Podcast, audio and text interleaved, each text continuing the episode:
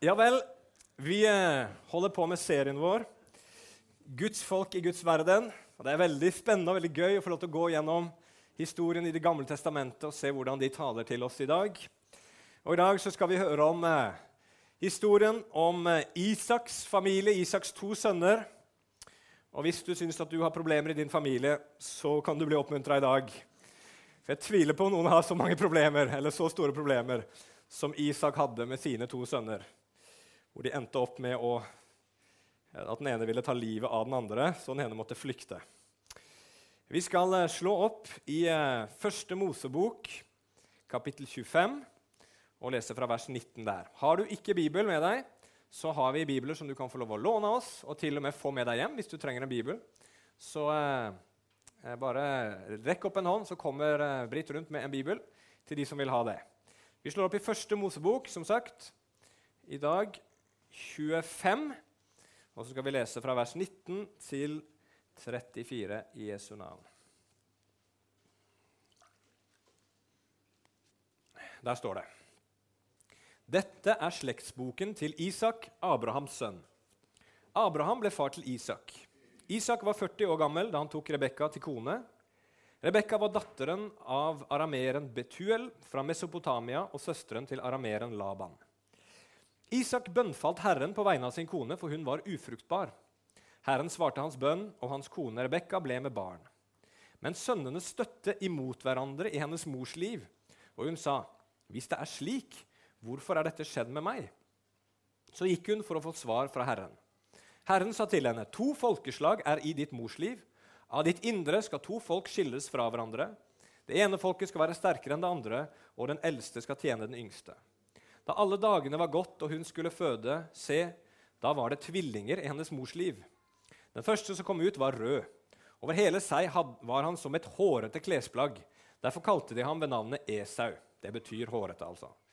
Etterpå kom hans bror fram, og med hånden grep han tak i hælen til Esau. Derfor kalte de ham ved navnet Jakob, som betyr hæl. Isak var 60 år gammel da Rebekka fødte dem. Guttene vokste opp. Esau ble en dyktig jeger en villmarkens mann, mens Jakob var en rolig mann som holdt seg ved teltene. Isak elsket Esau fordi han fikk spise av byttet hans, men Rebekka elsket Jakob. Jakob kokte en stuing, og Esau kom hjem fra marken, og han var utmattet. Esau sa til Jakob, 'Jeg ber deg, la meg sette til livs noe av den røde stuingen, for jeg er utmattet.' Derfor ble han kalt Edom. Edom det betyr rød. Men Jakob sa, 'Selg meg på denne dag din førstefødselsrett.' Esau svarte, 'Se, jeg holder på å dø. Hva betyr da denne førstefødselsretten for meg?' Da sa Jakob, 'Sverg da for meg på denne dag.' Dermed avla han ed for ham og solgte førstefødselsretten sin til Jakob. Jakob ga Esau brød og linsestuing. Han spiste og drakk og sto opp og gikk derfra. Slik foraktet Esau førstefødselsretten sin. Kjære far, dette er en historie som eh, sikkert mange har hørt før. Kanskje er det noen som hører den for første gang nå, Gud. Men uansett, Gud, vi bare ber Herre Jesus om at dette må bli mer enn en litt underholdende bibelhistorie for oss, Herre. Men at det må bli en historie i dag som kan fortelle oss noe om hvem vi er, fortelle oss noe om hvem du er. Fortelle oss noe om hvordan du frelser mennesker, og om din nåde, om, eh, om eh, faren ved synd, Herre Jesus, og, og, og, og den kraften som fins, Herre, i din hjelp og nåde til alle mennesker. Herre, hjelp meg å formidle det som du har lagt på mitt hjerte i dag. Gud. Og Hjelp oss alle til å ta imot. La det ikke bli mine ord og mine tanker, Herre, men la det jeg sier, Herre, være som ditt ord, Gud. Slik at vi kan få bli oppbygd av det, slik at vi kan bli rettleda av det, og slik at vi kan få bli forvandla av det i dag. I Jesu navn. Amen. Ja, bare en sånn kort, uh, kort resymé av historien så langt. Uh, Bibelen forteller at Gud skapte en god verden, men mennesket ødela den og seg selv og liksom eh, sitt eget hjerte. Og verden ble en, den plassen som vi kjenner den i dag. Men så begynte Gud en redningsplan. Og Den redningsplanen den begynte han gjennom Abraham, en helt tilfeldig person som Gud valgte seg ut for at han gjennom Abraham skulle gjøre han til et stort folk som skulle få sitt eget land, og gjennom det landet så skulle Gud velsigne alle jordens slekter. Altså han skulle frelse gjennom Abrahams slekt hele verden. Og vi har liksom sett hvordan det gikk. Og det har ikke vært noe enkel og enkel og rett fram historie. Det har vært ganske mye trøbbel og tull underveis. Mange dårlige avgjørelser eh, fra de som har vært involvert. Abraham, for eksempel, som er troens far, han tok en del valg som, som, eh, som i ettertid ikke var så kloke, viste det seg. Og nå har vi kommet til en historie som jeg sa, som fortsetter i samme trenden. Her var det en del rart som skjer. Uh, og, uh, men det er Guds folk og det er Guds plan som holder på å utfolde seg. Og Vi har kommet til Abrahams to barnebarn, altså Isaks sønner, Esau og Jakob. Uh, og Nå skal vi liksom få fortsettelsen fra det vi hørte sist gang, hvor vi hørte om at Gud hjalp Abraham å finne en brud til sin sønn Isak. Og nå skal vi da se hvordan det gikk med Isak og Rebekka, som Gud da fant til Isak. Eh, man kan liksom håpe på at den historien vi hørte sist gang, den eh, endte med at de levde lykkelig alle sine dager, sånn som de gjør i eventyrene. Men det endte ikke sånn. For det første så får vi høre her at Rebekka eh, var barnløs. Det har vi hørt om før. ikke sant? Sara, kona til Abraham, også barnløs. Men, og, det, og, det, var en stor sorg. For det første så var det en skam for en kvinne å ikke få barn på den tiden. Det var liksom det, det, det verste som kunne skje med deg. omtrent. Og for det andre så kunne jo ikke denne slekten som Gud hadde lovt, som han skulle velsigne verden gjennom, bli noe av hvis ikke Rebekka kunne få barn. Men så ser vi at Isak ikke er som Abraham og, og, og, og Sara, som liksom fant en ekstra kone til Abraham og rota det fryktelig til. Isak han er en gudfryktig mann. Hva gjør han? Han gjør det vi også må gjøre når vi kommer i problemer. Vi må be til Gud. Og det gjorde Isak. Han ropte til Gud for sin kone, og så fikk hun barn. Men ikke tro at det skjedde over natta. Det står liksom bare noen setninger der at Han ba, og så fikk hun barn, men det gikk 20 år. De gifta seg når de var 40, og de fikk barn, eller når Isak var 40, og de fikk barn når Isak var 60 år gammel. Så i 20 år så ba han! Og så fikk han bønnesvar. Så hvis du noen tenker, ganger tenker at nå har jeg bedt i fem år, nå har jeg bedt i ti år, så bare husk på at Isak ba i 20 år. Så ikke gi opp. Men idet Rebekka blir gravid, så blir liksom ikke ting nødvendigvis så mye bedre for det. at plutselig så så blir det strid i magen til Rebekka. Hun merker at det, eh, disse her eh, to tvillingene som vi etter hvert får høre, som er i hennes mage, krangler allerede når de er i magen. Og det lover jo ikke godt. Altså, Det første de gjør, det er å krangle. Før de kommer ut av magen, så krangler de. Og da ligger du an til litt problemer. Men hun lurer fælt på hva er det som skjer på innsiden av meg, og hun spør Herren. Hun også er åndelig. Isak viser seg å være åndelig. Han ba, hun er åndelig, hun søker Gud. Hva er dette her? Og så gir Gud et litt merkelig svar. Han sier at det er to folkeslag i magen hennes. Altså Disse to barna som lever inni henne, skal bli to folkeslag som skal være i strid med hverandre. Og så er det ene som skal bli sterkere enn det andre. Det yng, den yngste, eller den eldste, skal tjene den yngste. da. Og så får hun tvillinger, og de er jo utrolig forskjellige. Og Esau er hårete, står det. Han er sånn macho-mann, på en måte. Eh, og, og, De kaller han Esau, for det betyr hårete. Eh, de var veldig kreative på den tiden når det gjaldt å velge navn. Eh, det hadde vi alle sammen hett Skrikende, tenker jeg, hvis vi skulle gjort sånn. Etter når vi kom ut av magen. Eh, og så kommer Jakob etterpå, og han er annerledes men det rare med han at han, han griper tak i broren sin, sin hæl idet han er på vei ut. Og hæl eh, det ordet der gir, med litt sånn assosiasjoner gir navnet Jakob. Men Jakob kan også bety bedrager. og Vi skal finne ut hvordan det passer veldig godt på Jakob etter hvert. Og så var det da altså denne Jakob som kom ut sist, og som grep broren sin i hælen, som skulle bli den største av de to. Og han som ble født, Esau, skulle tjene den yngste. Og så ser vi at Esau vokser opp til å bli en machomann. Han blir en villmarksmann. Eh, hva heter han der på TV som eh, Ja, Monsen. ja. Takk skal du ha. Han blir liksom Monsen litt. Eh, hårete, kraftig, elsker seg der ute hvor han kan skyte dyr og spise dem etterpå. Det, skjønner jo at det er fantastisk. Mens Jakob han holder seg til teltene, står det. Så han var en litt mer rolig type. Og så står det da at Isak og Rebekka har hver sin favoritt. Foreldre, ikke gjør dette her. Altså hvis, du lese, hvis du leser Bibelen, så skjønner du iallfall én ting. Og dette er ikke lurt å ha favorittsønner eller favorittdøtre. Elsk alle barna dine like mye. Ikke ha favoritter, for det skaper utrolig mye problemer. Men sånn var det her. Her var det favoritter.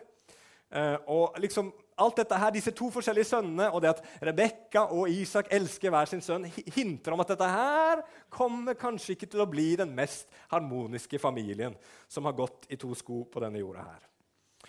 Og På slutten av det som vi leste i dag, så ser vi at konflikten begynner å br brygge opp. Esau, den dyktige jegeren som vi hører om, kommer hjem fra jakt tydeligvis uten å bytte og er kjempesulten. Du har sikkert vært kjempesulten noen gang, men for Esau så er det å være kjempesulten det er bare å være døden nær. Så han kommer hjem, og Jakob han holder på, sitter der ved teltene og lager mat. Og lager noe linsestuing, står det her. Og Esau bare ser maten. Han bare kjenner at magen er tom. Han bare roper 'Gi meg litt av de greiene der!' sier Esau. De røde greiene der. Det er det det står bare. 'La meg få hive det innpå meg.' Og så eh, tar Jakob en sjanse. Sier han, hm, 'Du kan få maten hvis du gir meg førstefødselsretten din.' Og i all verden var det? Jo, det betydde at, uh, at uh, i og med at Esau var først, født først, så hadde han en god del rettigheter med arv og med hensyn til ledelse av familien og sånt å gjøre, som tilfalt han. Men det var visstnok mulig på den tiden å selge den, og det er det, det, er det Jakob ber Esau om å gjøre. Å selge førstefødselsretten. Og Esau han bare kjenner at magen verker. Han er hol! Og så bare tenker han nå holder jeg bare på å dø. Hva skal Jeg kan ikke, jeg kan ikke bruke den førstefødselsretten min hvis jeg er død. Hva skal jeg med den da? OK, ta den, du! Sverg, sier eh, Jakob. Jeg sverger ved min bestemors grav, et eller annet som sier eh, Esau. Og, og, og, liksom, De gjør avtalen, og så hiver Esau seg over den der gryten med linsestuing hiver innpå og spiser, tørker seg munnen, får litt brød, og så er han fornøyd, og så går han sin vei. Og så står det 'Slik foraktet Esau førstefødselsretten sin'. Her begynner konflikten, og den konflikten skal vare gjennom mange, eh, mange kapitler. og Jakobs liv skal bli prega av konflikt. og Vi skal se på det i flere omganger og flere taler. Men det som jeg har lyst til å si litt om i dag, det er å se at Gud han velger seg denne Jakob. Vi skal prøve å forstå hvorfor det, og hva det har å si for oss også eh, i våre liv, om frelsen og, og vårt liv framfor Gud i dag. Så Overskriften i dag er 'Utvalgt av nåde'. Og så har jeg tre overskrifter til. Gud forkaster syndere, Gud frelser syndere, og til slutt Gud utvelger av nåde. Okay, den mannen som ble forkasta, det var Esau. Og Hvis du ser på Esau i denne historien, her, så er det er liksom ikke eh, framstillinga av Esau så veldig flatterende. Han framstår, som en veldig eh, korttenkt mann som lever etter lystene sine. Han, han, når, liksom, når, han har lyst på noe, så klarer han ikke å tenke klart, og han bare følger lysten sin uansett eh, hva det koster. Han selger det mest verdifulle han har, mot linsestuing. Er, er det noen som har smakt linsestuing her? Nei. Men eh, det blir som ertestuing, da. Jeg vet ikke om arven din er verdt en gryte ertestuing. I tillegg til det så ser vi videre i historien at Esau han gifter seg med to avgudsdyrkende kanoneiske kvinner. Og det var ikke bra. De var ikke gudfryktige. Og i tillegg til det så gifta han seg med to. Og det er heller ikke noe som Bibelen på noen som helst måte anbefaler. Hold deg til én ektefelle, er Bibelens klare og tydelige budskap. Så dette her er en mann som ikke lever med Gud. Han er korttenkt, han er, lever etter sine lyster, og han har ingen respekt for den slekten og for det kallet som hans folk har fått fra Gud. Så, og, og, det står at foreldrene fikk stor hjertesorg over denne Esau og de valgene han tok. Men så er det Isak og Rebekka. De, de begynner bra, de ber og de søker Gud. Og sånn. Og så plutselig så begynner de å få favorittsønner. Og så blir Isak blind fysisk, og det virker som han er ganske blind åndelig òg. For Isak han er overbevist om at Esau, hårete, store Esau som selger førstefødselsretten sin for en linsestuing, han er mannen som skal lede familien videre og bære Guds løfte videre til neste generasjon.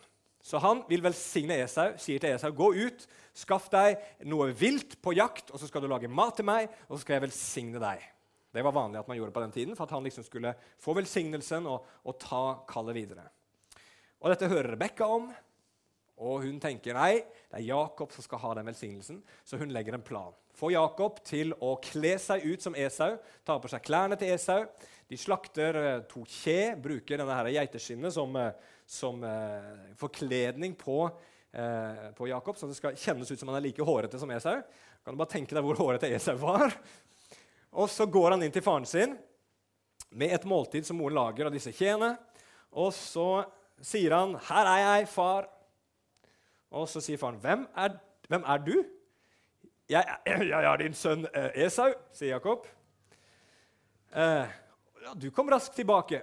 Eh, 'Ja, Gud eh, meg, ledet meg raskt til et bytte', sier han. Hm, 'La meg få kjenne på deg', sier Isak. Og Så kjenner han på det hårete geiteskinnet, og så blir han ganske forvirra og sier han, stemmen er Jakobs. Han klarte tydeligvis ikke imitasjonen så godt. Men hendene er Esaus. Og så spiser de sammen, og så ber han om et kyss. Og idet Jakob kysser sin far Isak, så kjenner Isak duften av Esaus klær som er på Jakob. Og så er han overbevist om at dette må være Esau, og så velsigner han ham. Og da går det jo som det må gå. sant? Esau kommer inn rett etterpå. 'Her er jeg, pappa.' 'Hvem er du?' Og plutselig så skjønner jeg at her har det eh, blitt, eh, eh, hadde blitt lurt. Det er et bedrag som har gått. Og den store, tøffe Esau blir først illsint, og så går han på sine knær og så gråter han. Faktisk står det. Han roper, 'Å, har du ikke en velsignelse til meg også?' Men dessverre så var det ikke noe velsignelse igjen til han. Og så gir Jakob han bare noen harde ord og sier at han skal leve borte fra den frodige jord, og duggen fra himmelen der oppe skal være din bolig. Og ved ditt sverd skal du leve, og din bror skal du tjene. Og Historien forteller at Esau ble far til edomittene, som var et uh, ugudelig folk som stadig var i strid med, uh, med Israel. Men hva i all verden har dette her med oss å gjøre? Hva er det historien om Esau kan fortelle oss? Jo, Hvis vi leser i Hebreerbrevet 12, vers 15-17, så står det litt om Esau som jeg tror vi kan lære. Der står det 'Vær på vakt, så ikke noen kommer bort fra Guds nåde', for at ikke noen bitterhetsrot skal vokse opp og gjøre skade, så mange blir smittet av dem. Vær også på vakt, slik at ikke noen er en horkar eller vanhellig som Esau, som solgte førstefødselsretten sin for en matrett. For dere vet at han etterpå, da han ville arve velsignelsen, ble forkastet. For han fant ikke noe rom for omvendelse, selv om han inderlig søkte den med tårer. Hva er det som skjer med Esau? Hva, hva, hva er det Bibelen forteller oss er problemet i Esau sitt liv? Jo, Det står her at han ikke finner rom for omvendelse. Synd er farlig, sier Bibelen. Ikke fordi det ikke fins tilgivelse for synd. Det fins tilgivelse for all synd i Bibelen, står det. Veldig tydelig og veldig klart. Men problemet er at synden kan noen ganger, hvis den får grep og innpass i livene våre, gjøre det sånn at vi risikerer å ikke finne rom for omvendelse. Det vil si at vår vilje blir så bundet av stolthet eller bitterhet eller hardhet eller bare våre egne lyster at Gud kan stå foran oss og tilby oss all sin herlighet, og vi vil ikke slippe vår synd. Det er det Bibelen forteller om. Det kan komme et punkt i våre liv hvor synden har grepet vårt hjerte så voldsomt at vi ikke finner rom for omvendelse. Vi klarer ikke å vende om. Vi vil ikke slippe vår egen synd. Vi vil ikke gi opp vårt harde hjerte. Vi vil ikke be om tilgivelse. Sånn er synden i sin natur. Det er ikke Gud som ikke vil tilgi, men det er vi som kan bli forherda av den. Og Esau han prøver, men han klarer ikke å finne den omvendelsen. Han skjønner at foreldrene ikke er så fornøyd med, med at han har gått til disse her kanoneiske kvinnene og tatt de som kone. Hva gjør han da? Han går til onkel Ismail, hvis dere husker om han, fra tidligere. Som òg var forkasta av Gud, og som hadde fått en sønn som, som, står som et symbol på frelse ved egne gjerninger. Og så får han få en, får en dat, datteren hennes som kone. Han kaver, han kjemper, men han finner ingen vei videre. For han vil ikke vende om, han vil ikke gi slipp på sin synd. Han vil leve livet sånn som han lever det. Og det er faren. Det er faren. Så ikke lek med synden. Ikke la den få rom i hjertet ditt. Vokt deg for den, sånn at ikke den leder hjertet ditt bort fra Gud. Derfor er det sånn at Når mennesker går fortapt, så er det ikke først og fremst pga. deres synd, sier Bibelen, men pga. det som Bibelen kaller for deres ubotferdige hjerte. Altså At de ikke ønsker å vende om. De ønsker ikke å komme og be om tilgivelse. De ønsker ikke å komme til korset og få ta imot Guds frelse der, for de vil ikke gi slipp på synden. Det er faren. Så når Bibelen sier til oss flere ganger at vi må elske det gode og hate det som er ondt, så er det i sin dypeste godhet at Gud sier det her til oss. Neste punktet mitt er at Gud frelser syndere. Gud forkaster syndere fordi at de ikke vender om, men Gud frelser også syndere. Jakob, hvordan var han? Han fikk førstefødselsretten, han fikk velsignelsen av Gud. Men var han bedre enn Esau? Hva tenker dere når dere leser historien? Er det sånn at tenker, wow, Jakob, det var en fin fyr, det. Ikke rart Gud velsigna han og ville ha han som liksom sjefen for Guds folk. Nei. Når broren kommer hjem fra jakt og er utmatta, utslitt og liksom eh, er i en sårbar situasjon, hva gjør Jakob da? Er han en god bror som hjelper broren sin? Nei, han utnytter situasjonen. Og Når Rebekka kommer med denne planen om at han skal bedra sin egen far Hvis du leser historien, så ser du at Jakob har bare én skruppel.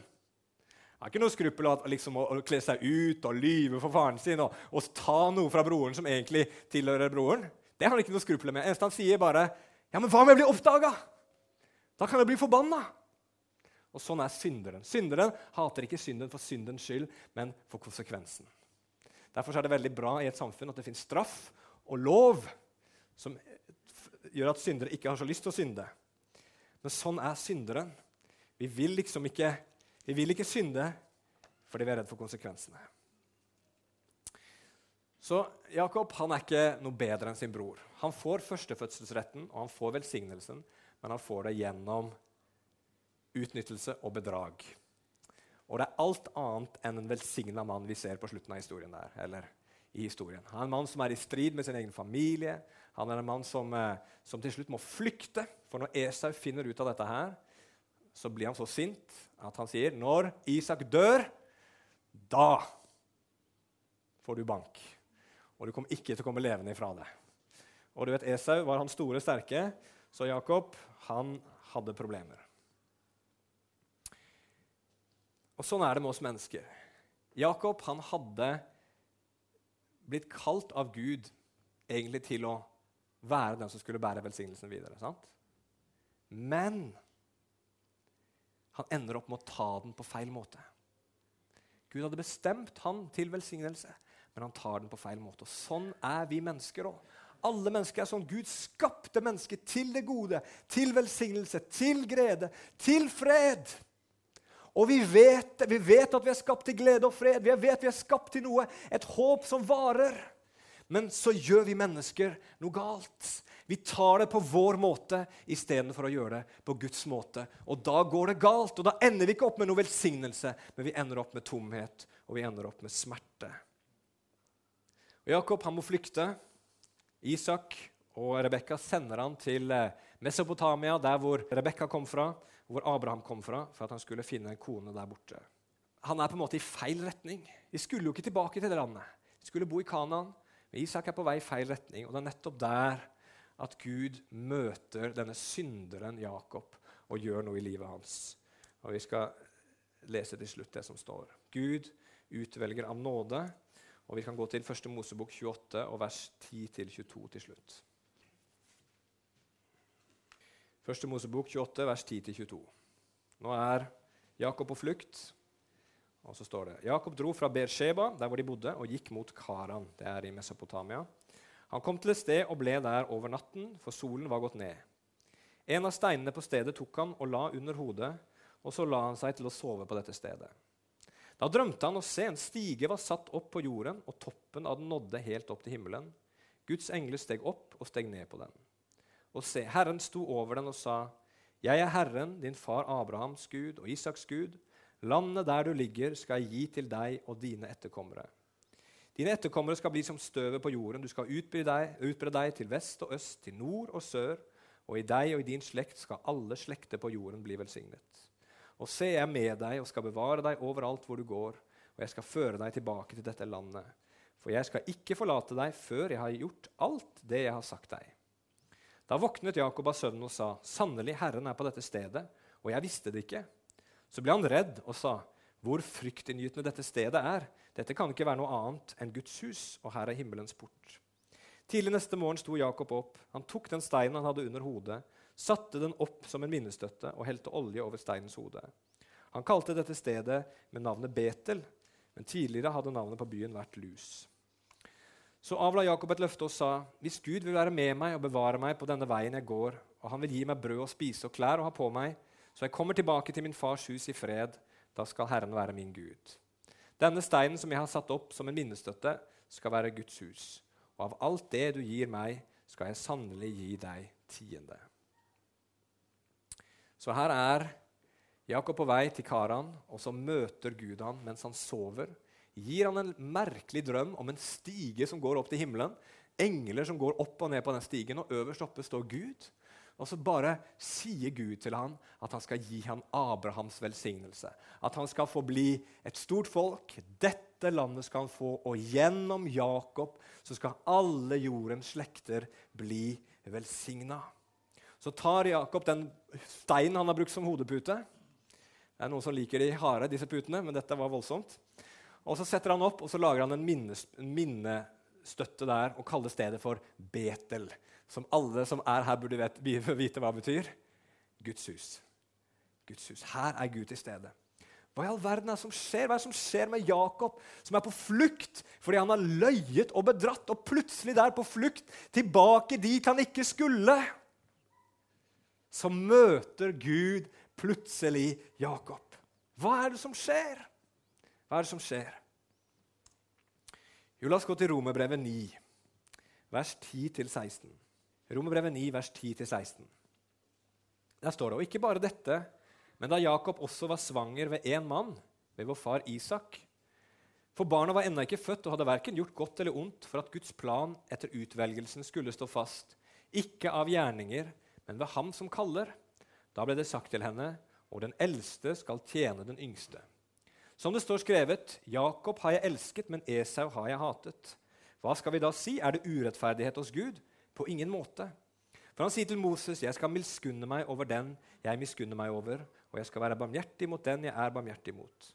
Så kommer det da ikke an på den som vil, heller ikke på den som løper, men på Gud som viser miskunn. Det er så enkelt som det her. Gud kommer til Jakob fordi han viser Jakob nåde. Ingenting indikerer at Jakob fortjente det mer enn Esau.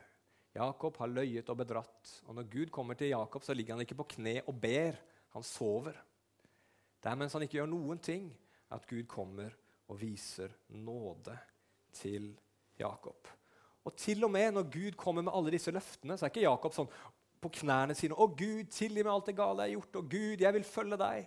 Han sier, 'OK, Gud, du har gitt meg noen løfter. Hvis du holder dem, så er det greit. Du skal være min Gud. Så han er litt sånn halvlunken etterpå det der voldsomme møtet med Gud i tillegg.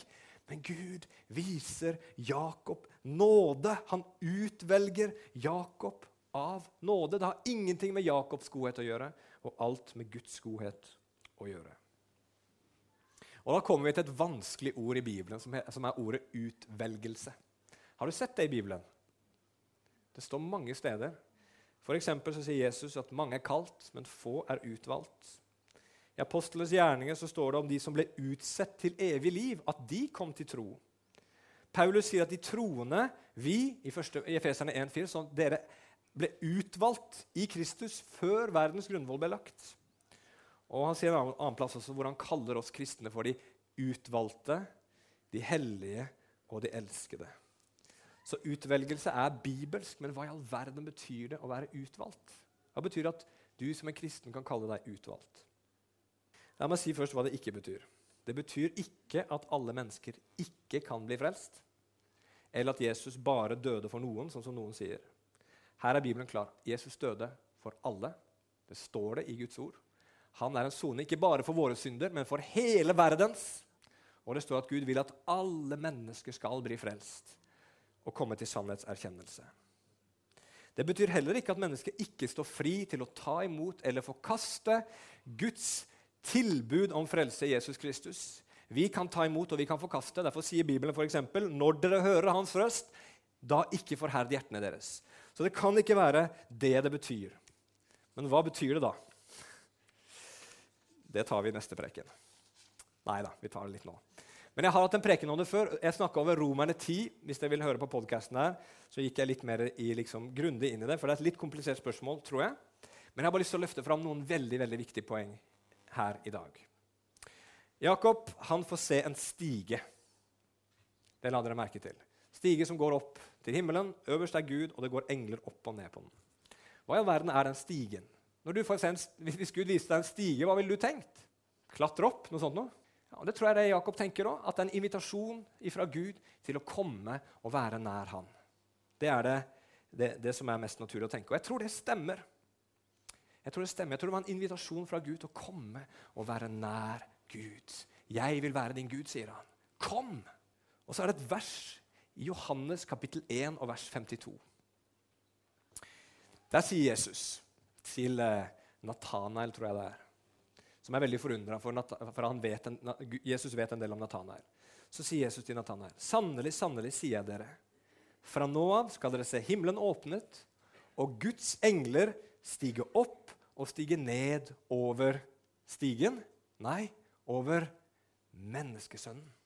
Det er Jesus som skjuler seg bak den stigen som Jakob får se. Det er han som gjennom Jesus at Jakob kan få komme til Gud og få del i den velsignelsen som Gud ville gi ham.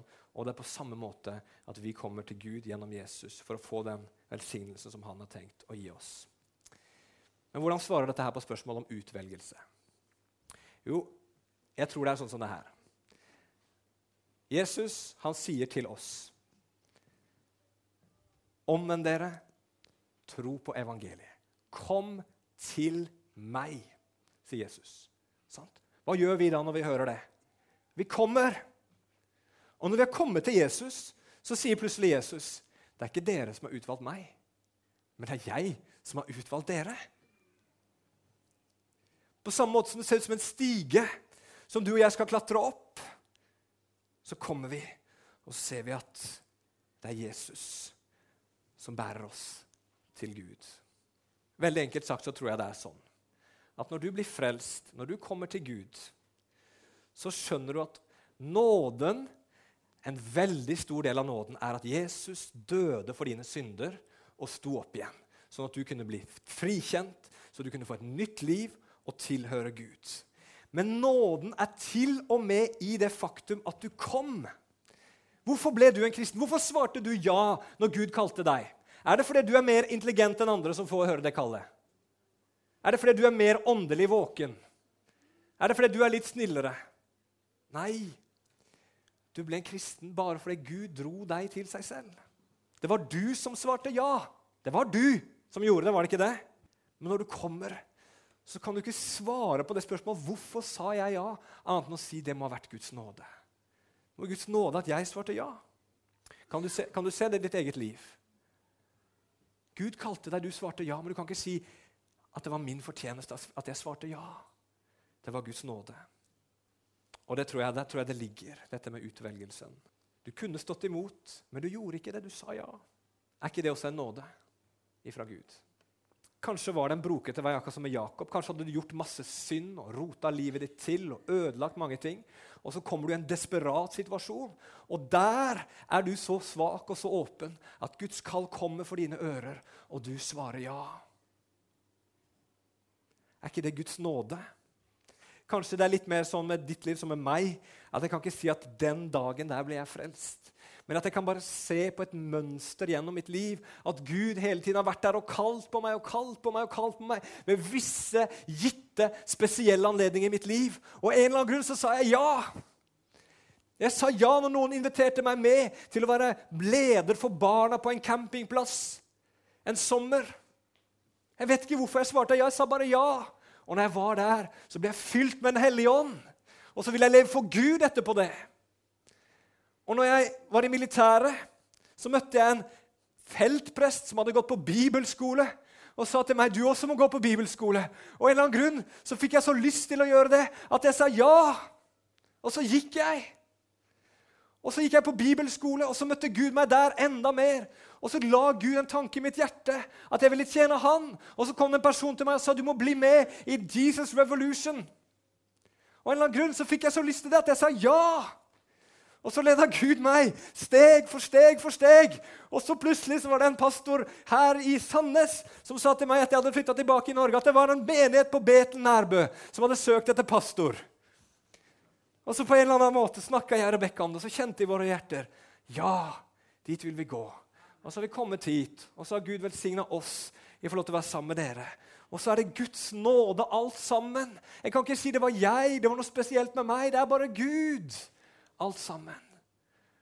Og på den måten så utvelger Gud oss av nåde.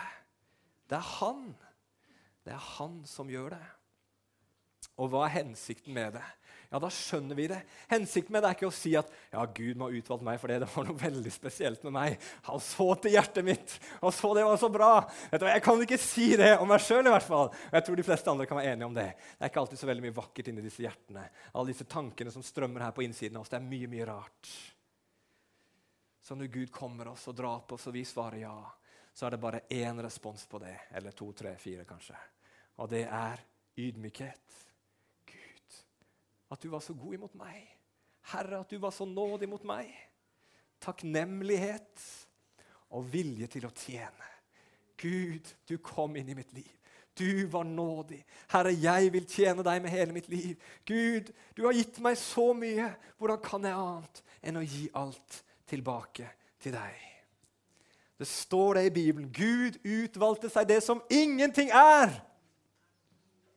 for at det som er noe, skal bli gjort til skamme, og for at ingen skal rose seg i noe annet enn Kristus Jesus. Han er vi stolte av. Vi er ikke så stolte av oss selv. Vi får ikke så veldig mye til. Vi får det ikke så veldig bra til på hjemmebane. Vi, mange, vi gjør så mye dumme ting.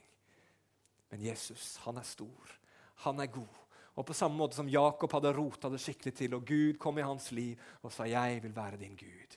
Jeg skal føre deg fram og tilbake, hjem til din fars hus. Så sier Gud også det til deg. Han står der i Kristus Jesus og kaller deg og sier 'Kom!' Og så kommer du, og så ser du at alt var hans godhet og hans nåde. Og så vil du leve for han. Og den takknemligheten der, det er den voldsomme drivkraften som jeg vil at vi skal ha her på Betel. Som skal drive oss i tjeneste for Gud. Det er den drivkraften som driver meg. Ikke alltid jeg husker på det. Jeg glemmer å bli tak være takknemlig så mange ganger. Men når jeg ser det om igjen og om igjen, så sier jeg, Gud, ja, jeg vil utholde det for deg, Herre. Jeg vil følge deg, Gud, for at du har vært så ufattelig nådig og så ufattelig god imot meg. Så kjære brødre og søstre, ser dere Guds store, rike nåde at han er god på alle måter. Og han har kalt oss og utvalgt oss i Kristus av nåde. Himmelske Far, vi bare takker deg, for du er trofast og god. Du er en Gud som, som sier at Jesus Kristus, vår frelser, er troens opphavsmann og fullender. Du sier her om deg selv at du som begynte den gode gjerning i oss, du skal også fullføre den inntil Jesu Kristi dag. Herre vår Gud. Herre, la denne nåden bli så overveldende for oss i dag. La oss få forstå, Herre Far, at du var god. Uendelig god. Mer, du var så mye mer god enn det vi noensinne har fortjent, Herre. Men Gud, halleluja, du viste godhet imot meg.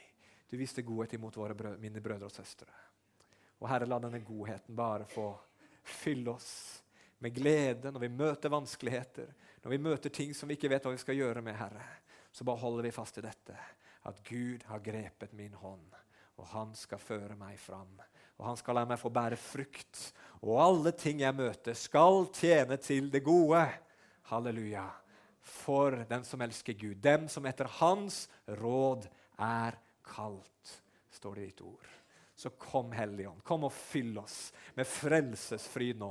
Med kraft og liv, Herre, så vi kan tjene deg, Herre. Så vi kan få være den stemmen du bruker, Herre, til å kalle andre inn, Herre. Som også får se din nåde i ditt kall og i din utvelgelse. Vi ber om det i Jesu Kristi gode navn. Amen. Amen.